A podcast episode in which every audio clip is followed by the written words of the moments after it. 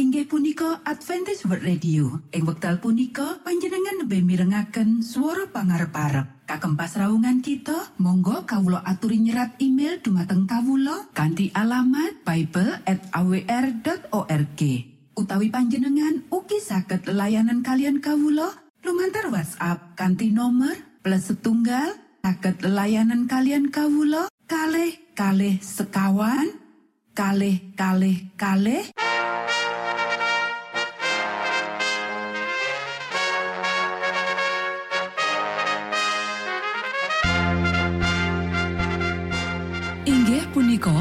Adventis World Radio ingkang giaran kanti basa Jawi. Tentrem Rahayu kula aturaken kagem poro Mitra kinasih ing pundi papan lan panggonan. Sugeng pepanggian malih kalian Adventis World Radio. Kanti bingahing manah Kulo badi sesarengan kalian poro Mitra kinasih lumantar saperangan adicara ingkang sampun rinonci mligi kagem panjenengan sami. Mugi giaran punika saged migunani tuwin dados berkah kagem kita sedaya. Sugeng midhangetaken Gusti amberkahi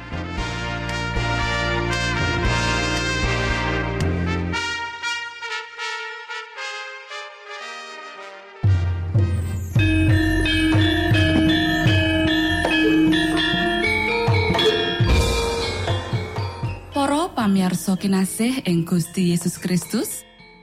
Ing wekdal punika kita badi sesarengan ing adicara ruang kesehatan. Ingkang saestu migunani kagem panjenengan saha kita sami. Tips utawi pitedah ingkang dipun aturaken ing program punika tetales dawuhipun Gusti ingkang dipunnyatakaken ing kitab suci. Semantan ugi sakehing seratan ingkang dipun wangsitaken dening Gusti Allah. Nanging saderengipun monggo kita sami midhangetaken kidung pujian.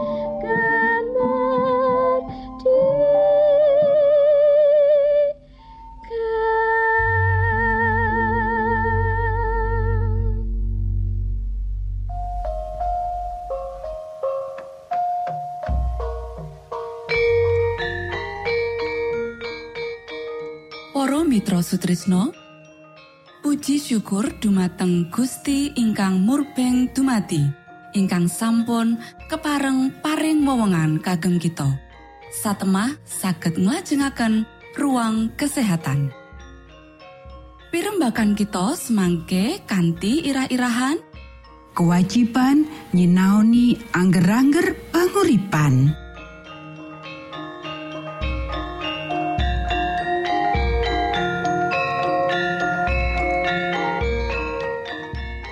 Dumateng para pamiarsa ingkang dahat kinurmatan, sugeng pepanggian malih kalian kula Isti Kurnaidi ing adicara ruang kesehatan. Ing dinten punika kanthi irah-irahan, kewajiban nyinaoni angger-angger panguripan. Para sedherek ingkang kinasih, panguripan fisik ora bisa dilakokake kanthi cara kang sawiyah-wiyah. Kita kudu nyadari tanggung jawab kita. Orang gagas karo fisiologi lan laling rumat angger-angger kapakaswarasan wis nggawa wong akeh mlebu nyang kuburan kang kudune isih urip kanggo makarya lan sinau kanthi lantip. Kanggo ngenal kanthi becik organisme manungsa kang ajaib, balung, otot, weteng, ati, usus, jantung, lan pori-pori kulit, lan kanggo mangerteni gumantungi sak organ marang organ liyane kanggo kerja kang nyehatake saka sakabehe mujudake saweneng pasinaon ing ngendi sak perangan gede ibu-ibu ora duwe greget. Sinaono organisme kang migunakake iku sistem badan menungso lan angger-angger kang ngatur. Menawa wong-wong bakal tetimbangan penyebab nganti tekan pengaruhe lan ngetutake lagune Mula dheweke tentu bakal golek dalan kang bakal mesthekake kesehatan lan mortalitas bakal saya kurang. Kabeh kang duweni kapriklan umum kudu mangerteni kabutuhan sistem badane dhewe. Para sedherek ingkang kinasih, bab kang paling wigati tumrap priya lan wanita ya iku kanggo diwenehi pangerten bab panguripan manungsa lan jroning cara-cara kang luwih becik jroning rumat lan oleh kapakaswarasan fisik. Mligine wektu enom, mujudake sawening wektu kanggo diwenehi pangerten kang diwujudake jroning panguripan saben dinane saklawase urip. Para sederek, wong-wong kang wis mapan ing posisi kang menehi pengaruh, ora ngajeni pakarian kang sawetara suwe wis dilalekake. Dheweke nganggep luwih wigati dadi para siswa saka jadwal pasinaon kang kurang duweni pengaruh marang agen menungso. Ma ewu-ewu wong ora mangerteni apa wae babakan badan lan kepiye ngrumat badan iku. Daud meratelakake, aku didadekake kanthi rame-rame lan ajaib. Lan nalika Gusti Allah wis maringi kita papan kaya kuwi, kena apa saben perangan ora diselidiki kanthi teliti? Becike wong-wong kang mratelakake dadi anak-anak Allah mumpung dheweke bisa nggunakake wewengan kang diwenehake kanggo oleh pangerten babagan sistem manungsa lan kepiye iku bisa nahanake jroning kapakaswarasan Gusti Allah ora bakal maringi mujizat nahanake kapakaswarasan sawijining wong kang ora bakal nggawe budidaya oleh pangerten sak mampune ngenani papan ajaib kang Gusti Allah paringake. Kanthi nyinauni perangane badan menungso, kita kudu sinau dandani opo kang mungkin salah jroning padatan kita lan menawa ditokake ora dibenerake pasti bakal nggawe akibat leloro lan panandang kang gawe panguripan iku saweneng beban. Kudune pikiran tadi lantip? Lan kekarepan dipapanake jajar Gusti Allah? Lan bakal ono tandanan gumunake jroning kabakaswarasan fisik? Nanging iki ora bisa dikayo dening kasantosan manungsa. Para sedherek ingkang kinasih supaya bisa nglakoni owawan umat Allah kudu mangerteni awake dhewe. Dheweke kudu mangerteni rancangan fisik satemah bisa peparengan pemasmur mratelakake kula ngluhuraken panjenengan karana kula dipun titahaken kanthi ngirami-rami lan ajaib. Matur nuwun Gusti amberkahi.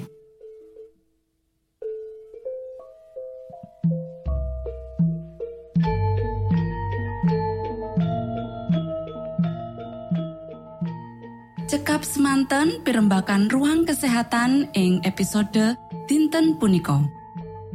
Ugi sampun kuatos jalaran kita badhe pinanggih malih ing episode sak lajengipun.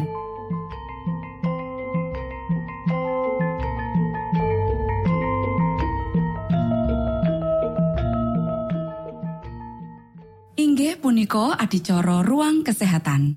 Menawi panjenengan gadah pitakenan utawi ngersaakan katerangan ingkang langkung, monggo kulo aturi kinton email dateng alamat ejcawr@ gmail.com utawi lumantar WhatsApp kanti nomor 025 pitu 00 songo songo papat 00 pitu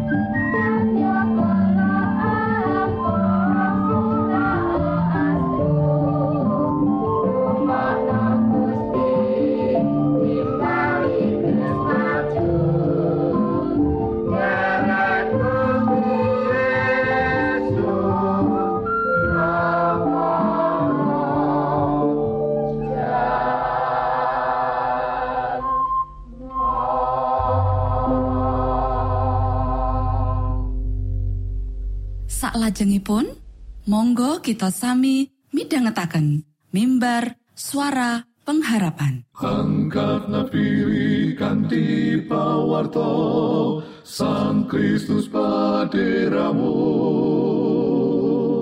Pro umat samyo puji asmanyo Sang Kristus paderamu. Inggih punika mimbar suara pengharapan.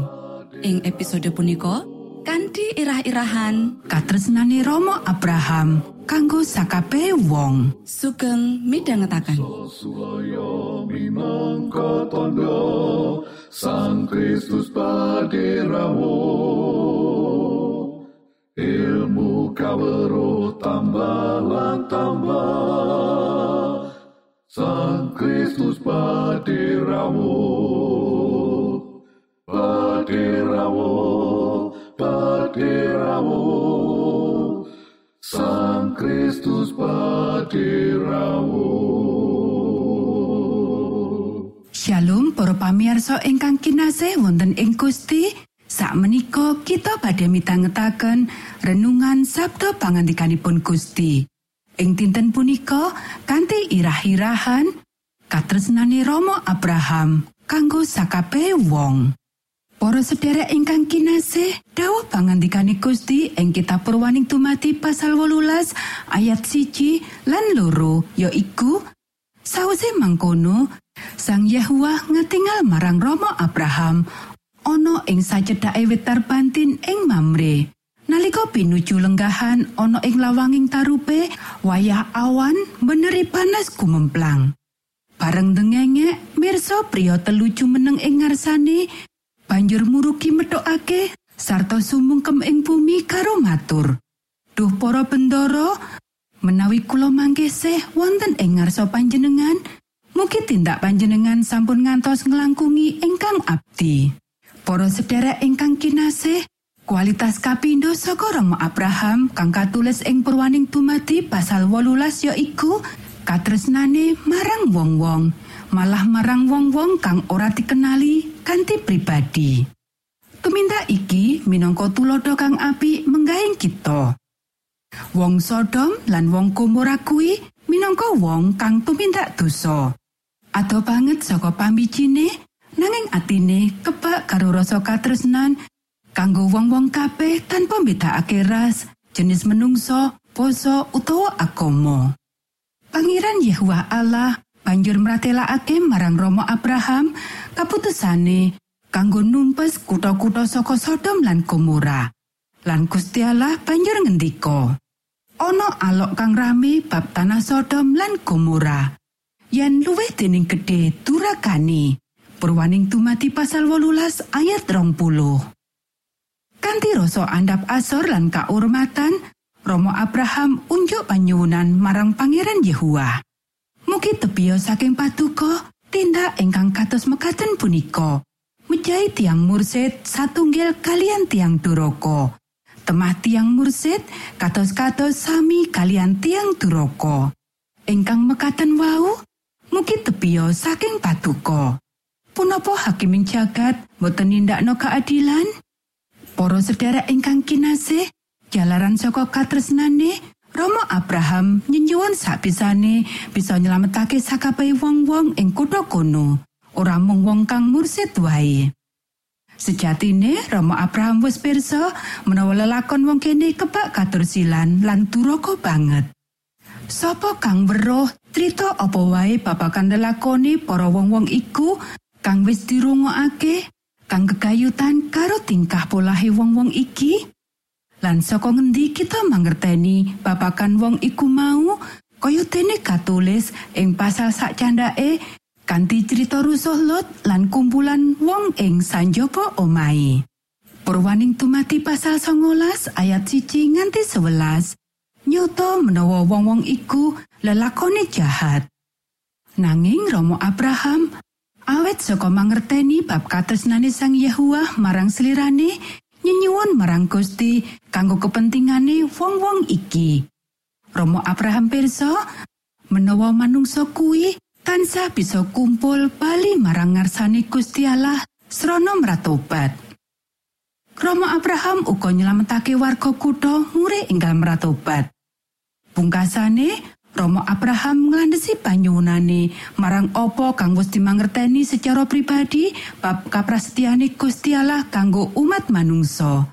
Lan panjenengane piyambak kagungan sih rahmat kang gedhe tumrap wong-wong kang nandang dosa lan panjenengane pirsa menawa salawase se ana panguripan isih ana pangarep-arep kanggo keselamatan. Monggo kita sami ndedonga. Duh Rama kawula ingkang wonten ing swarga, asma patuko mugi kasucikaken. Kraton patuko mugi rawuh, karsa patuko mugi kalampahan wonten ing bumi kados dene wonten ing swarga. Kawula mugi kaparingan rejeki kawula sak cekapipun ing dinten punika. Saha patuko mugi ngapunten kalepatan kawula kados dene kawula inggih ngapunteni tetiang ingkang kalepatan dhateng kawula. Punapa dene kawula mugi sampun ngantos katantukaken dhateng ing panggoda nanging mugi sami patuko uwalaken saking piawon.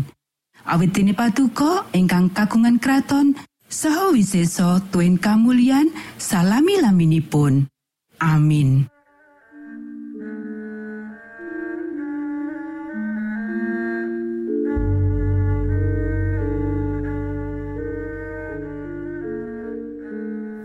Mitra Sutrisno pamiarsa kinasih ing Gusti Yesus Kristus.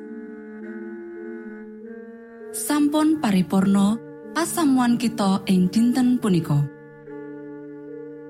Menawi panjenengan gadah pitakenan utawi ngersaakan seri pelajaran Alkitab suara nubuatan Monggo Kulo aturi kinton email dateng alamat ejcawr gmail.com utawi lumantar WhatsApp kanti nomor 025 pitu 00 songo songo papat 00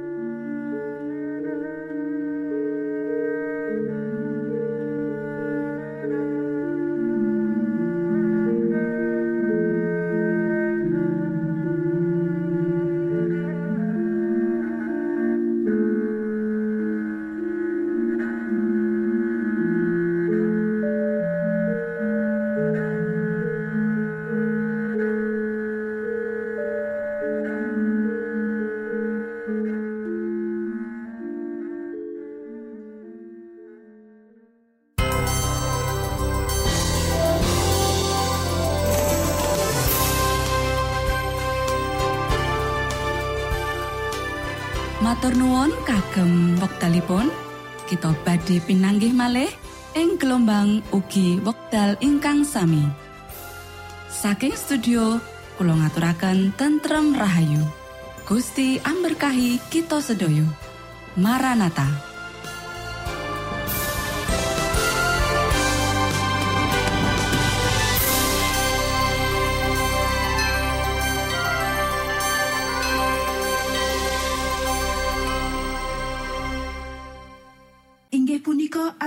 World Radio. Ing wekdal punika panjenengan lebih mirengaken suara pangarep-arep. Kagem pasraungan kita, monggo kawula aturi nyerat email dumateng kawula kanthi alamat bible@awr.org. Utawi panjenengan ugi saged layanan kalian kawula lumantar WhatsApp kanthi nomor plus setunggal saged layanan kalian kawula kalih kalih sekawan kalih kalih kalih